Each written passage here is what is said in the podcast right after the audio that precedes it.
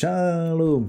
Hari ini kita akan lihat firman Tuhan dari Matius 16 ayat 28. Jadi kalau pada zaman Tuhan Yesus banyak murid-murid datang, ya, ada yang berbondong-bondong mau dijadikan murid, ya.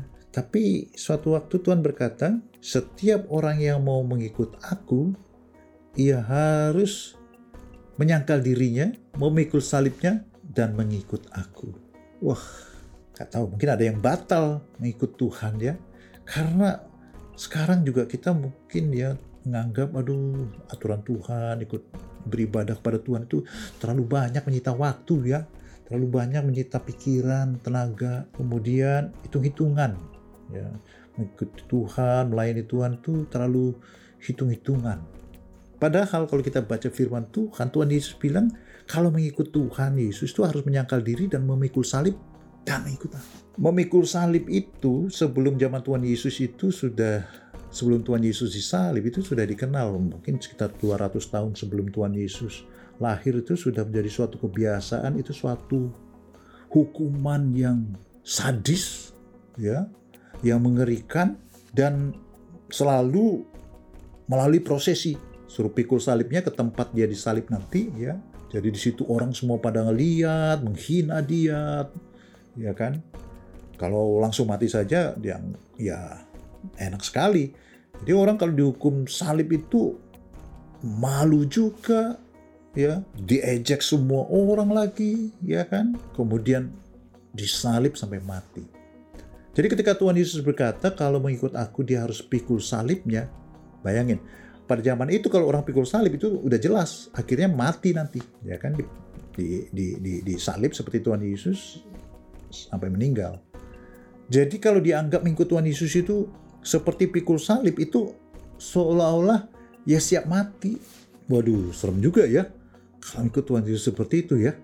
Tapi itu itu Tuhan Yesus yang bilang loh, harus seolah-olah hari ini hari besok sisa hidup kita itu seolah-olah seolah-olah fonisnya sudah jelas ya mati untuk Tuhan Yesus boleh nggak kemudian tuh nawar-nawaran? Saya mau mau saya mau kaya dulu saya mau begini dulu mau begitu dulu. Cita-cita saya mau tercapai. Ya nggak dilarang. Tapi harus ngerti prinsipnya. Bahwa kalau mengikut Tuhan Yesus itu hidup itu harus diserahkan.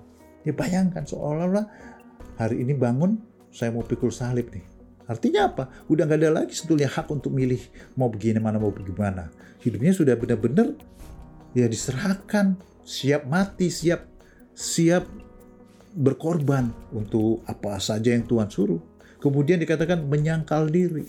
Menyangkal diri itu artinya kalau saya namanya Yakub, saya bukan Yakub. Artinya nggak ada lagi seolah hak prerogatif untuk dirinya. Ekstrimnya ya. Saya yakin Tuhan mau anak-anak Tuhan itu happy hidupnya. Tapi harus seimbang. Dalam satu sisi sebetulnya Tuhan Yesus mau itu kita menyangkal diri.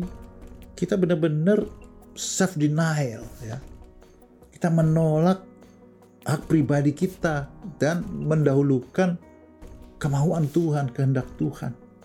Ya kan kalau menyangkal diri kan berarti kan segala sesuatu yang kita ingini itu seolah-olah kita sangkali Ya. Sekarang saya bukan orang yang dahulu lagi, saya ciptaan baru. Saya hidup untuk Kristus. Waduh, berat tuh. Ya, pelan-pelan kita akan jalani bersama Tuhan, tapi harus ngerti dulu prinsipnya. Kalau ikut Tuhan Yesus itu dari awal itu bukan tawar-tawaran. Tapi ngerti, kalau ikut sama Tuhan Yesus, ya pikul salib, sangkal diri, ikut dia seumur hidup. Dan saya yakin ketika kita serahkan segala sesuatunya, kita akan menerima segala sesuatu juga. Tapi yang kita terima dari Tuhan itu tidak seperti orang yang posesif dengan segala sesuatu yang kita terima dari Tuhan. Bukan. Tapi kita syukuri, kita nikmati, tapi kita tidak terpaut dengan apa pun yang Tuhan izinkan kita alami.